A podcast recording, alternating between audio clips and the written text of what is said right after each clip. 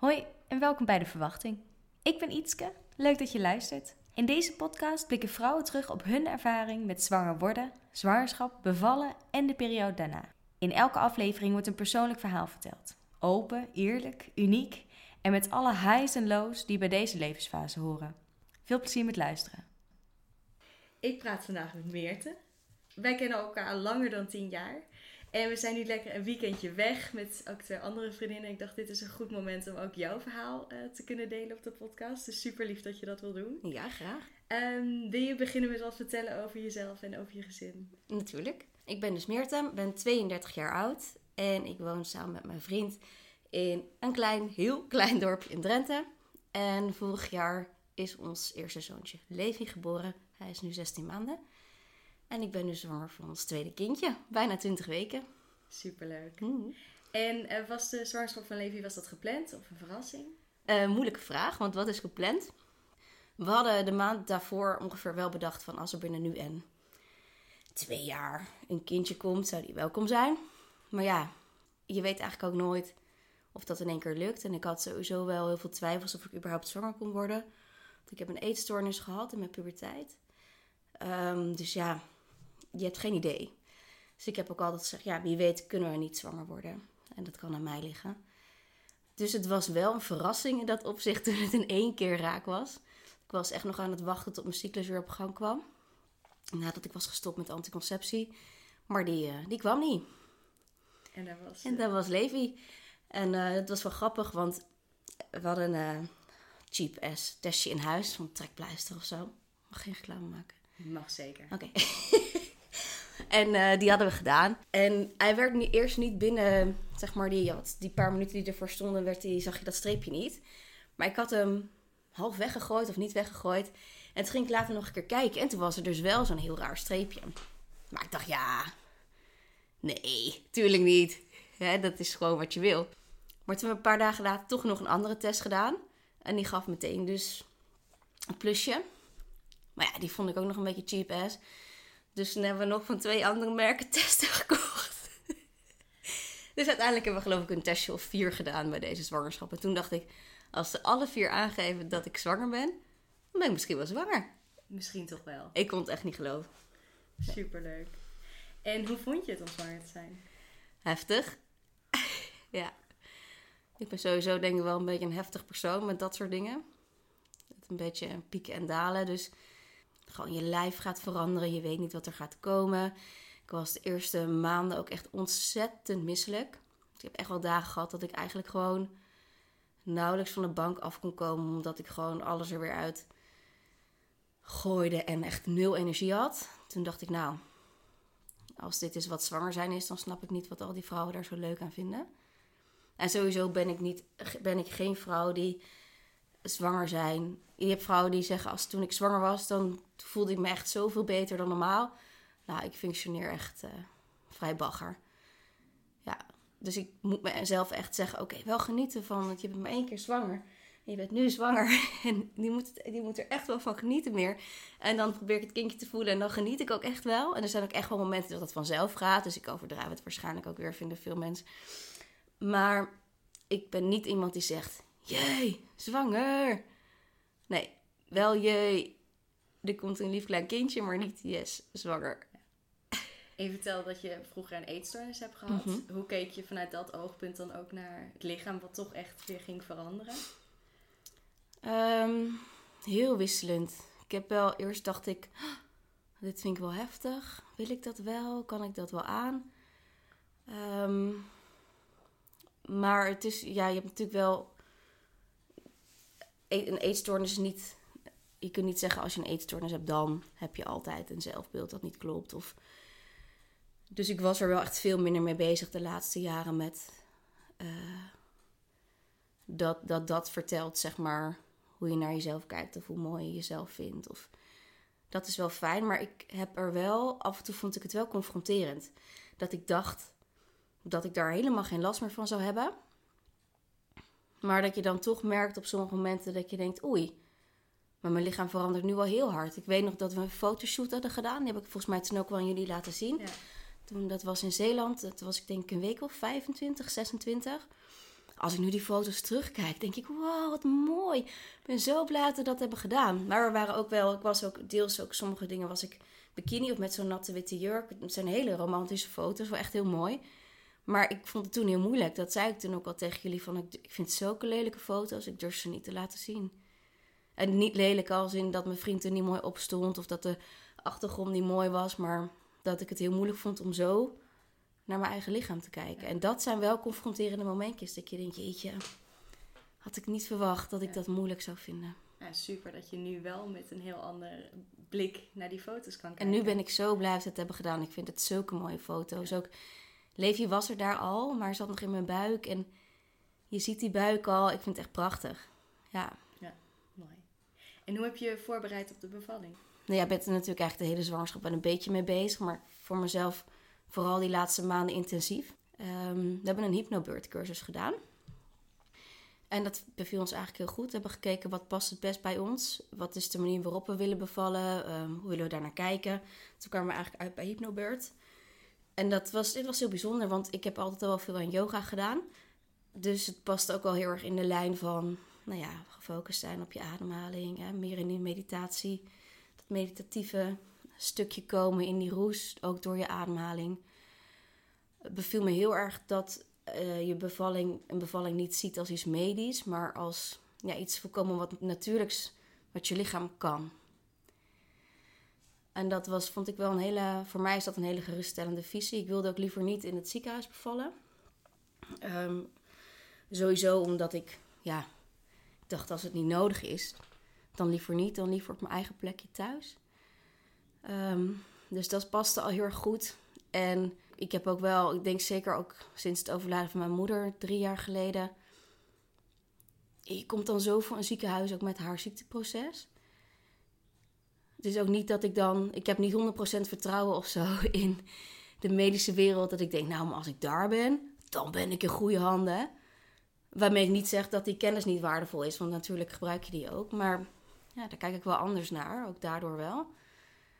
Um, dus die cursus was ook op heel veel manieren heel waardevol. En voor mij heel goed, omdat ik heel erg in mijn lijf kwam. Ik zit best wel in mijn hoofd. En die cursus daagde me heel erg uit om ook echt mijn kindje te voelen en goed te ademen. En te bedenken wat ik wilde. Ik werd ook uitgedaagd om een brief te schrijven aan mijn ongeboren kindje. En nou, dat zijn wel dingen die ik heel belangrijk vind. Maar ik vind het wel moeilijk om daar echt tijd voor te maken. Maar daardoor deed ik dat allemaal wel. En dat heb ik, vond ik heel fijn. Um, dus ja, dat viel eigenlijk heel goed. En het past ook heel erg goed bij de bevalling zoals die uiteindelijk is gegaan. En dat weet je natuurlijk nooit van tevoren. Maar, eh, en we, we, hebben hem thuis gedaan. Dus we hadden iemand die dan een aantal avonden bij ons thuis kwam. En dat vond ik heel fijn, want dan was ik in mijn eigen omgeving. En ook bepaalde oefeningen die we dan deden, vond ik ook wel heel lekker om die gewoon een beetje samen te kunnen doen. Ja, niet in een groep. Wat dat betreft ben ik niet zo'n groepsdier ben ik altijd bang dat ik het proces vertraag met al mijn stomme vraagjes en zo. En eigenaardigheden. Dus het was eigenlijk voor ons heel perfect. Ja. ja. Laten we nog eventjes teruggaan op uh, hoe de verdere uh, zwangerschap is gegaan. Mm Zijn daar nog bijzonderheden? Het was sowieso een hele bijzondere periode.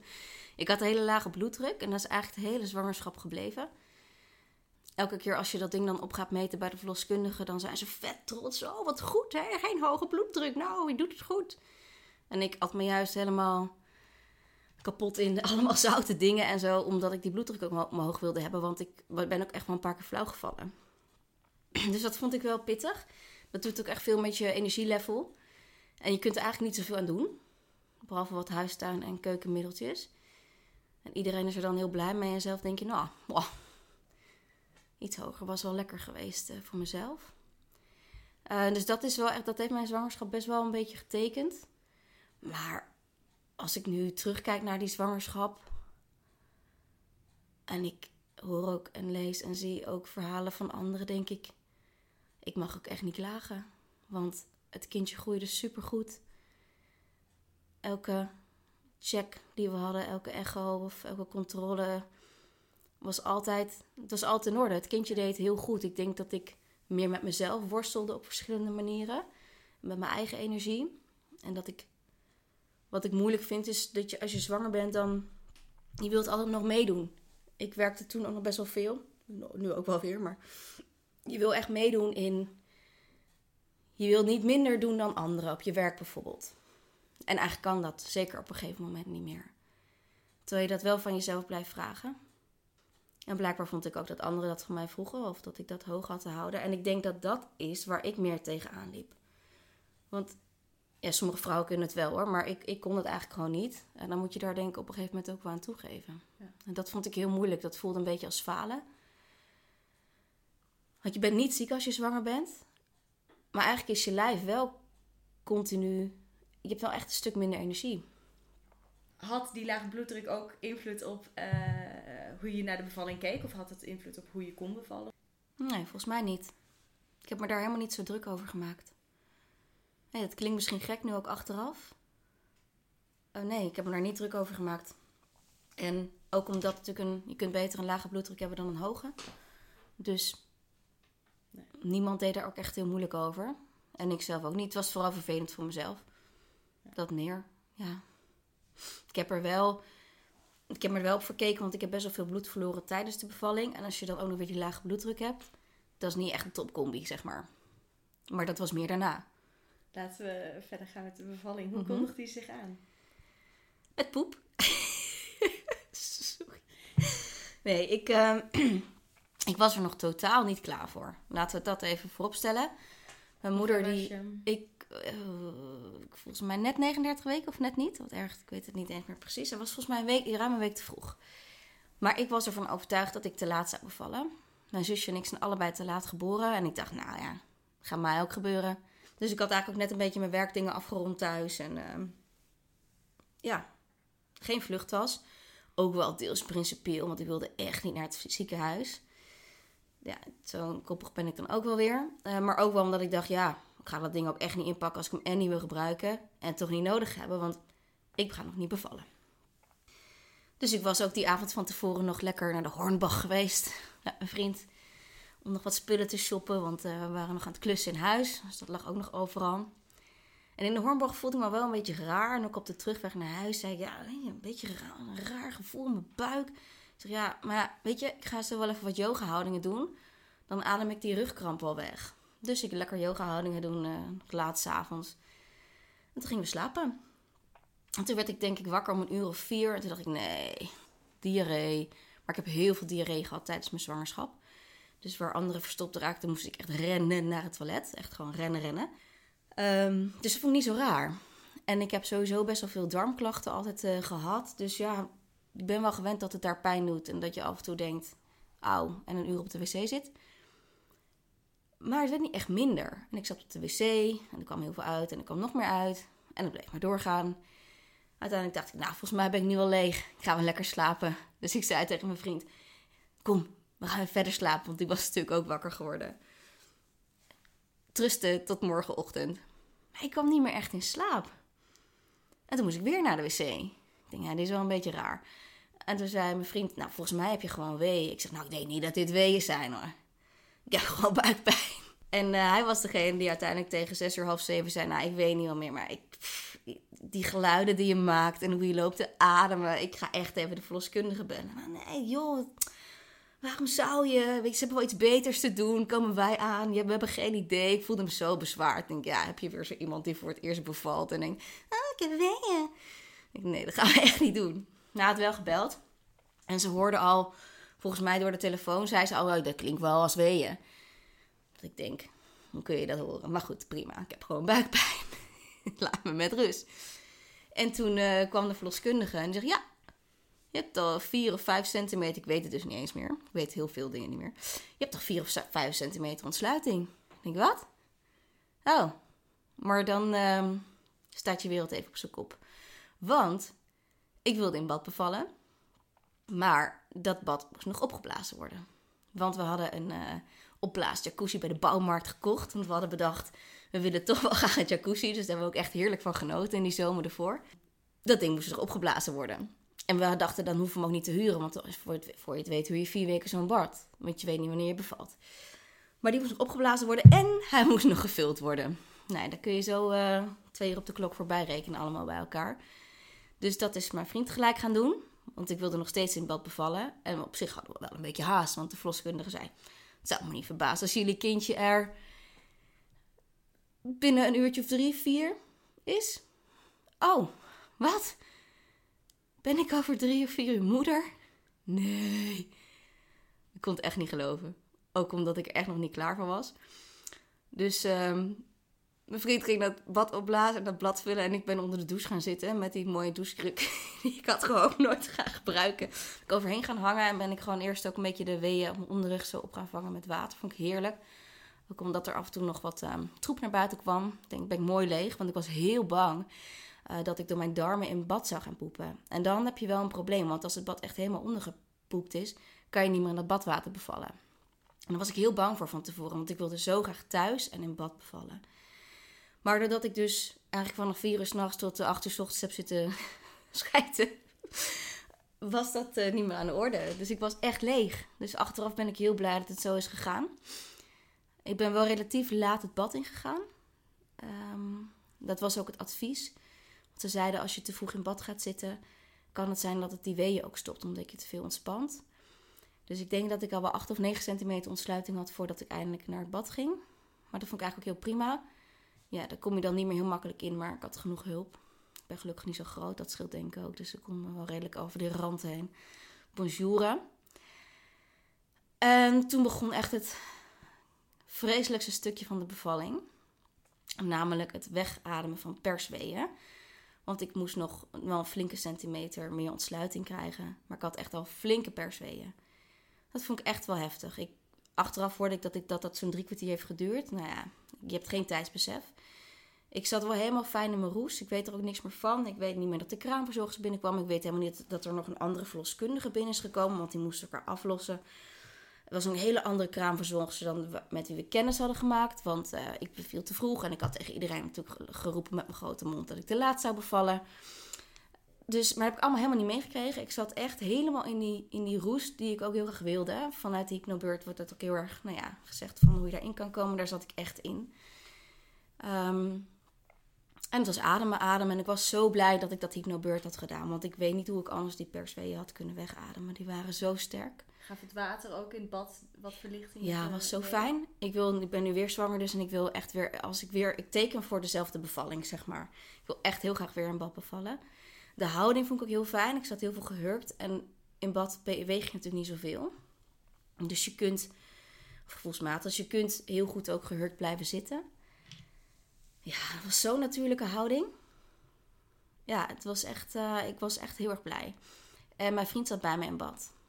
Dus als ik dan echt moe was en ik kon even uitrusten van een wee, dan kon ik ook echt zo lekker in zijn armen vallen. Dat was heerlijk. Ja. En waren je vliezen al gebroken op dat moment? Denk ik wel, heb ik niet doorgehad. Want ik zat op een gegeven moment een beetje half onder de douche. Dus ik denk dat het toen is gebeurd als ik kijk naar tijdsbestek. En, maar ik heb dat dus niet echt doorgehad. Nee. Bij mij begonnen dus wel eerst de weeën. En daarna pas vliezen. Maar ik heb het dus niet doorgehad. Nee. Dus dat is wel gek. Ja. En, en heeft de verloskundige je dan om de zoveel tijd gecheckt? Om te kijken of je dan wel op een gegeven moment op die 10 centimeter zat? Of hoe, uh, hoe is het verder gegaan? Ja, ik wilde wel, ik had wel van tevoren gevraagd zo min mogelijk van dat soort fysieke checks. Want ik wilde heel graag dus in mijn eigen cocon, in mijn eigen roes. En dan zijn die checks best wel verstorend. Dat deed ze echt super goed. We hadden zo'n fijne verloskundige. Dat was echt top. Uh, dus zij checkte af en toe maar zo min mogelijk echt alleen op momenten dat ze zijn. Nou, het vind het wel belangrijk dat we nu even checken, want volgens mij gaat dit een uh, cruciaal momentje zijn.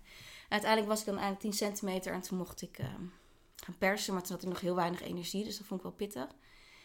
Want ik had ook niet echt meer zulke sterke pers persweeën als ik in dat stadium daarvoor had gehad. Nou, dat vond ik wel even dat ik dacht, hmm, wie heeft dit verzonnen? Dus uiteindelijk heb ik nog wel anderhalf uur geperst. Want als je kijkt naar de bevalling is het uiteindelijk wel heel snel gegaan. Want Leefje was er om 10 uur 25. De verloskundige was er om half zeven. Dus ik mag, voor mijn eerste bevalling mag je daar niks van zeggen. Alleen het einde was heel heftig. Door dat wegademen van die persweeën en daarna uh, de persfase zelf, die anderhalf uur duurde. Die had ook niet langer moeten duren. Want dan denk ik dat ze alsnog liever hadden gehad dat ik naar het ziekenhuis was gegaan. En dat wilde ik natuurlijk echt niet.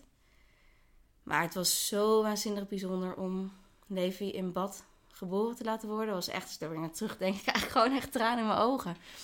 Wij wilden ook niet weten of het een jongetje of een meisje werd. Maar die laatste week had ik heel sterk het gevoel: jij bent het. Jij bent het. Dit is Levi. En die bevalling ook. Heel veel, veel vrouwen zeggen ook: ik ben heel trots op mezelf hoe ik het heb gedaan. Ik ben meer trots op Levi.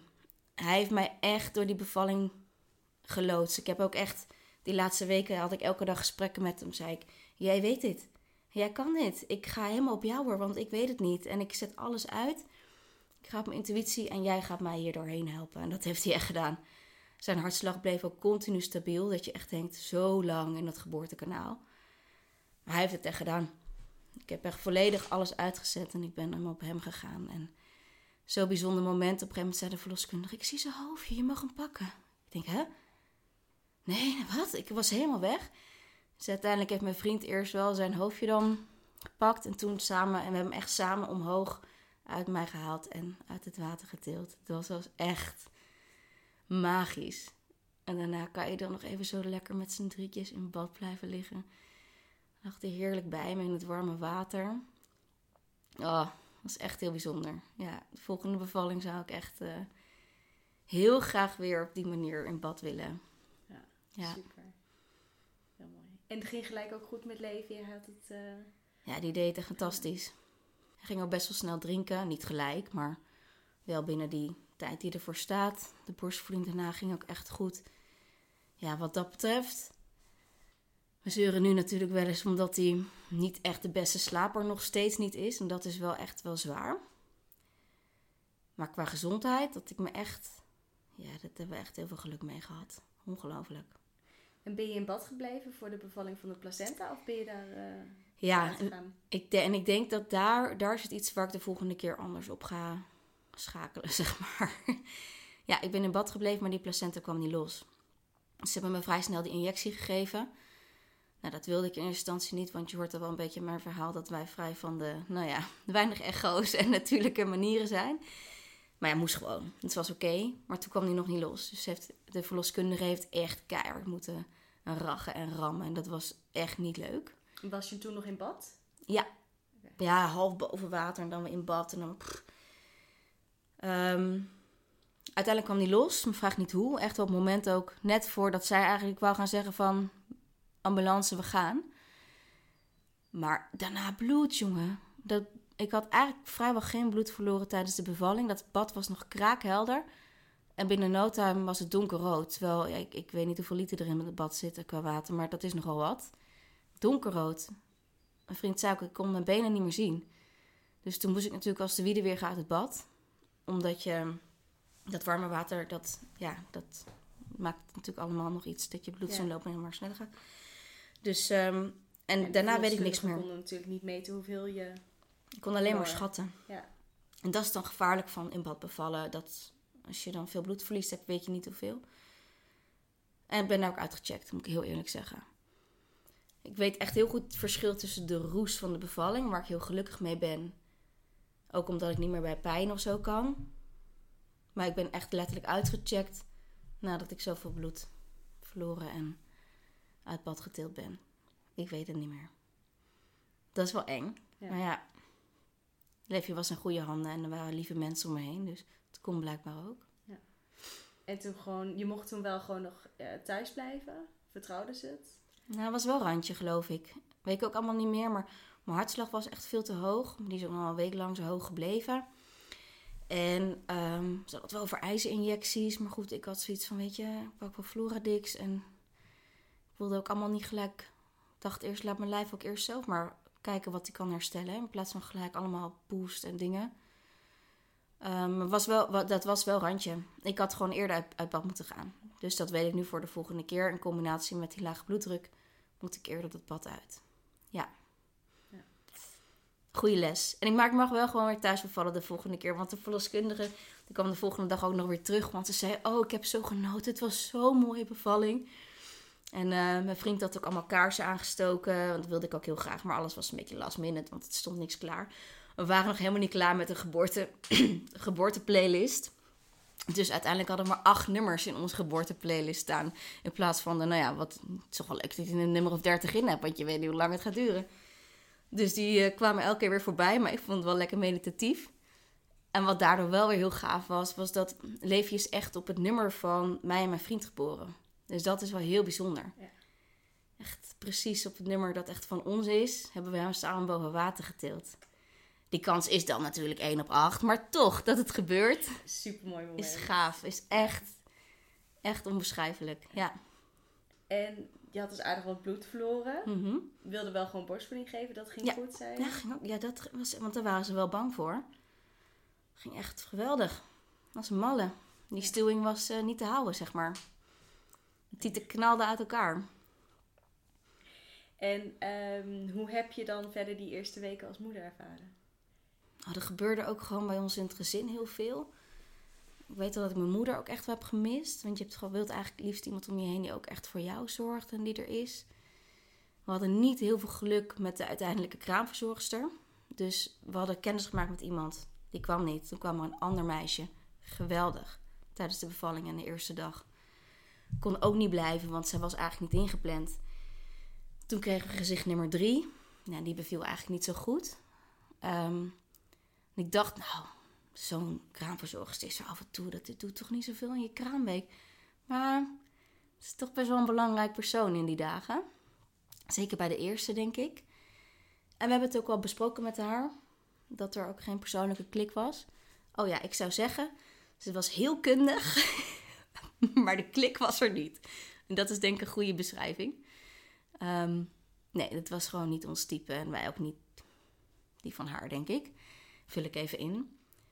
En we hebben wel besproken, maar ja, op een gegeven moment... Ik vind dat je iemand wel minimaal twee dagen de kans moest geven. En ja, dan heb je nog twee of drie dagen in te vullen samen... om daar nog weer een vierde gezicht voor te laten komen. Ik dacht, nee. Dus we hebben gewoon afgebouwd, hebben minder uren afgenomen dan eh, noodzakelijk. En dat was prima. Maar ik moet wel zeggen, mede dankzij haar is die borstvoeding wel goed op gang gekomen. Want die kraamverzorgster is daar wel ook belangrijk in. Want zij leert je hoe je aan moet leggen en hoe je eventueel wat af moet kolven of wanneer juist niet. En dat kon ze goed. Dus daar ben ik haar heel dankbaar voor. Want daar heb ik nog een maand of negen, tien profijt van gehad. Want ik heb Levi nog heel lang borstvoeding kunnen geven. Ja.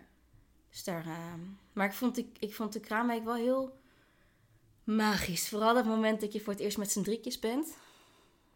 Dat iedereen weg is en dat je echt samen bent. Ook wel heel spannend, maar wauw. Ja. En ik voelde gewoon al zo lang dat hij het was. Het was zo compleet, het was zo goed. Maar het is aan de andere kant ook heel heftig. Want je bent eigenlijk kapot van die bevalling. Je slaapt af en toe een paar uurtjes en dan ben je weer wakker. Je wil die borstvoeding op gang krijgen. Alles is nieuw. Je maakt je zorgen om of het goed gaat met je kindje. Ja. Het is niet te beschrijven. Je hebt, geen, je hebt geen aandacht meer voor andere dingen die week. Niks. En hoe ging het verder naar aanleiding van je bloedverlies en, en je lage en toen later weer hoge bloeddruk? Ik had snelle hartslag, maar die bloeddruk bleef heel laag. Dus dat is niet echt een fijne combi. Ik heb daardoor wel langer herstelperiode gehad. Het duurde ook lang voordat ik echt zelfstandig kon douchen. Ehm, ja, lange herstelperiode. Maar het grappige is dat je je daar ook wel makkelijk bij neerlegt. En ja, ik vind het wel moeilijk om dan niet snel zelf voor dingen te gaan doen. Maar ik heb dan wel een vriend die echt zoiets heeft van ja, dag. Dat kan echt niet. Dat kan je nu wel willen, maar dan hier betaal je op een ander moment de prijs voor. Dus dat gaan we zo niet doen. Wat niet altijd even gezellig is, want ik ben dan ook koppig, maar wel heel goed. Maar je wil zelf al gelijk van alles. Ja, volgens mij heeft mijn vriend uh, Levi de eerste. Ik, ik heb hem volgens mij pas echt voor de op de laatste dag de kraamverzorgster er was. Levi voor het eerst zelf aangekleed. Maar dan kon hij lekker oefenen, dus prima. Nee, dat, het herstel duurde gewoon langer. En je vertelde dat je het lastig vond om ehm, dan eigenlijk zwanger te zijn, maar toch gewoon voor de volle 100% wilde meedraaien Mhm. in, in, ja, vooral met je werk eigenlijk. En dan na je verlof moet je daar ook weer terug. Ja. Hoe heb je dat ervaren? Oh mijn god. Oh, wat vragen we veel van onszelf en veel van vrouwen die net moeder zijn geworden. Ja, vind ik echt. Ik kolfde natuurlijk ook gewoon nog veel. Want Levi dronk gewoon nog volop bij mij. Ja, jeetje, waar je dan af en toe wordt weggestopt, joh. Dat wil je niet weten. Dat is één. Vaak golfplekken, bedoel je? Ja, kopieerhok. Uh, Een hok dat eigenlijk gewoon niet, waar mensen naar binnen kunnen kijken. Uh, ja, ik heb ook heel vaak in de auto gekolfd. Komt ook door mijn werk, want ik heb, werk zo op een hogeschool als dat ik een eigen onderneming heb. Dus en voor die laatste ben ik veel onderweg. Maar toen vond ik kolf in de auto nog chill. Moet je nagaan. Dus ik had echt een kolf gekocht, een extra kolf met accu, zodat ik ook overal kon kolven waar ik maar wilde. Uh, maar dat vond ik dan nog fijn, want dan zet ik hem gewoon lekker ergens achteraf een rustig plekje neer. En een muziekje erbij, uh, verwarmingje aan en lekker kolven. Dat was eigenlijk misschien nog wel de relaxte plek van alle plekken waar ik heb gekolfd. Maar dat is één. Maar ook, het moet dan tussen allemaal andere dingen door. En die, ja, ik heb ervaren dat je er niet echt tijd voor krijgt. Ja, er wordt wel gezegd dat je mag kolven, maar je ziet het niet terug ergens in je uren of in een vermindering van taken. Vond ik pittig. Levi sliep toen nog zeer bagger. en je moet wel weer werken, dus eigenlijk ben je kapot. Je bent zo moe. Eigenlijk wil je alleen maar slapen, maar je moet werken en kolven. Ik vond het niet moeilijk om Levi achter te laten. Ik heb een vriend die veel vanuit huis werkt, dus hij heeft best wel veel ook de eerste maanden in de opvang van Levi gedaan. En dat was voor mij wel heel fijn, want dat is heel vertrouwd natuurlijk, dus ik hoefde hem niet weg te brengen of wat dan ook. Dus daar heb ik helemaal geen moeite mee gehad. En ik wist ook altijd, nou, na drie maanden moet ik op een gegeven moment weer. En dat moet ook, dat heb ik zo afgesproken. En dat moet ook financieel. Dus dat is ook wat het is. Ik ga het niet weer zo doen. Ik heb nu al langer verlof geregeld op de hogeschool waar. Uh, betaal ik ook gewoon een stukje zelf. Ik heb ook net geluk met vakanties, hoe die vallen. Eigen onderneming ga ik wel rustig weer klusjes oppakken. Maar die zijn niet hele dagen. Ik vind vooral dat hele dagen weg zijn en dan tussendoor drie keer kolven. En dat vond ik pittig. En dan toch ook dan alweer eigenlijk vragen van, van jezelf wat je voor die tijd zogenaamd presteerde. Nou ja, en dan die nachten erbij. Ja, ik uh, ben er vrij feministisch in geworden door de bevalling en het kolven. En dat ik echt uh, denk, ja, we moeten echt... Ik vind het echt belangrijk om op een andere manier met jonge moeders om te gaan. En ja, echt naar elkaar om te kijken en zachter voor elkaar te zijn en empathischer. Vind ik echt belangrijk, ja. Ook voor andere vrouwen om me heen merk ik dat. En, en ook belangrijk om voor jezelf op te komen. Maar dat klinkt heel cliché, maar dat doe je dus niet. Omdat je, je voelt je zo... Je bent al met verlof geweest. En dan kom je ook nog weer zeuren over een kolfruimte en kolftijd. En collega's hebben al werk moeten opvangen. En ik vind eigenlijk gewoon dat anderen voor je moeten gaan staan. En ik ben ook echt van plan om dat te gaan doen voor andere jonge moeders om me heen. Want ik weet hoe moeilijk het is. En je bent ook moe, je hebt er weinig energie voor. Ik weet hoe moeilijk het is om dat zelf te doen. Dus ik vind echt dat we elkaar daarin moeten steunen. En dan heb ik niet alleen over vrouwen, want ik vind dat mannen dat net zo goed kunnen doen. Ja. ja. Op welk moment dacht je, oké, we zijn, er is dus misschien een beetje wedergekeerd? Nooit? Een beetje? ik zeg een beetje. Ik ben nu alweer zwanger van de tweede.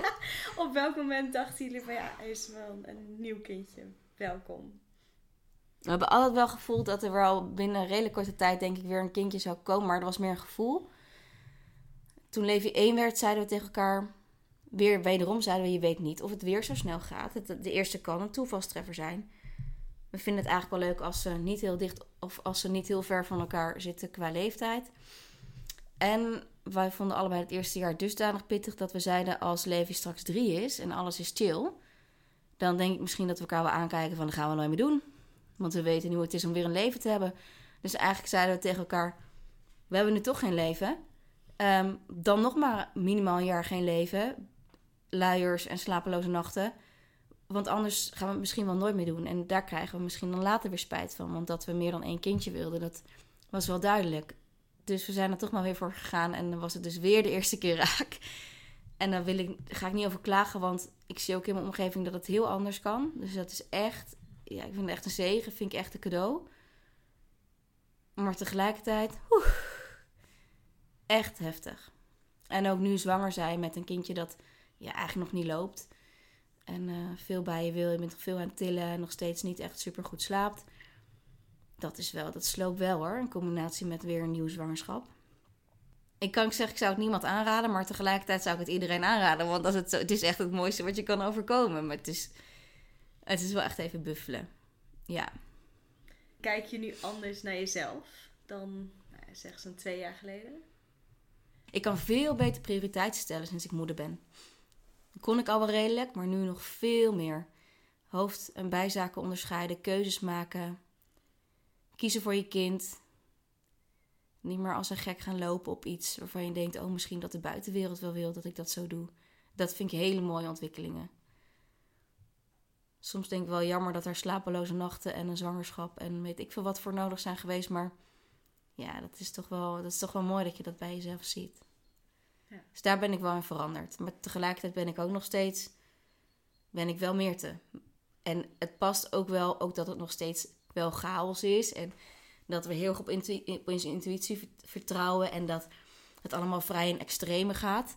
Dat past ook 100% bij wie ik ben. Dus dan kan ik wel zeggen, ja, is allemaal wel heftig of niet rustig genoeg. Of heb ik er wel genoeg over nagedacht. Denk, ja, je kunt niet verwachten dat je een andere persoon wordt. Dit is ook wie ik ben en dat past ook bij mij. We doen heel veel op onze intuïtie. Daar hebben we een heel flexibel kind. Maar doordat we een heel flexibel kind hebben, die we overal mee naartoe kunnen sjouwen. En slaap wanneer wij dat eigenlijk fijn vinden. Dus in de auto en dat soort op. En dat we ook niet rekening hoeven te houden. Oh, we moeten er eerder ergens naartoe of eerder weg. Of niks. We doen gewoon alles met hem. Hij gaat gewoon mee. Vind ik heel leuk. En dat past ook helemaal bij wie wij zijn. Maar daar betaal je ook een prijs voor. Hij slaapt s'avonds relatief laat. Hebben niet echt avonden samen. Hij doet niet op hele regelmatige tijden dutjes. Ja, dat is de prijs die je dan betaalt voor flexibiliteit. En blijkbaar betalen wij die graag, want anders hadden we al andere keuzes gemaakt daarin. Ja, ik ben super benieuwd hoe dit komende half jaar voor jou zou zijn. En hopelijk krijg je weer net zo'n mooie bevalling met een iets betere eh, ja, laatste fase. Ja, dat hoop ik ook echt. Meer rust in de laatste fase. Daar ben ik wel meer mee bezig nu ook. Dat dat wel, dat ik dat anders aanvlieg, ja. Nee, en ik hoor heel graag eh, straks weer op de podcast hoe eh, bevalling 2 is gegaan. Bevalling 2 met een kindje die nog, ook nog daar rond kruipt en dan weer een nieuwe erbij. Denk je dat je Levi erbij wil houden? Ja, ik vertelde aan jullie dit weekend. Ik heb zelf vond ik het heel erg dat toen mijn zusje geboren werd, ik was toen bijna drie, dat weet ik dus nog steeds, dat ik er niet bij mocht. Dus echt wel, ik weet het dus nog steeds. Ik moest ook naar buren, sorry buren, die ik helemaal niet leuk vond. Ehm, en ik vond het helemaal niet leuk om daar te zijn. Ik voelde me echt buitengesloten. Dus dat wil ik Levi niet aandoen. Tegelijkertijd is Levi jonger. Maar we hebben niet echt familie in de buurt wonen die ik kan bellen van... hé, hey, kom Levi even oppikken. Dat op zich doen we ook veel, eigenlijk bijna alles zelf. Um, dus ik denk dat hij erbij gaat zijn. Ik weet nog niet op welke manier. Mijn vriend zegt, oh, hij moet bij ons in bad. Nou, ik weet niet of ik dat aan kan. Als in, ja... Dan moet je misschien toch wel je voelsprieten uit hebben, ook naar hem. Maar als hij wil, mag hij er wel, mag hij wel erbij zijn. Maar tegelijkertijd weet ik ook niet of hij het fijn vindt dat ik af en toe huil of schreeuw. Of ik weet niet hoe hij daarmee omgaat. Dat heeft hij natuurlijk nog nooit echt gezien. Nee. Dus er moet wel een plan B zijn voor hem, denk ik. Maar hij mag wel, ik denk wel dat hij het eigenlijk heel fijn vindt dat hij in onze nabijheid mag zijn. Dus dat gun ik hem wel. Spannend. Ja. Ik ben benieuwd. Ik ook. Super lief dat je je verhaal wilde delen. Ik vond het erg leuk om te horen. Ik vond het leuk om te doen. We zijn alweer bij het einde gekomen van deze aflevering. Heb je met plezier geluisterd? Abonneer je dan op deze podcast via de app waar je dit hoort. Zo weet je zeker dat je geen nieuwe aflevering mist.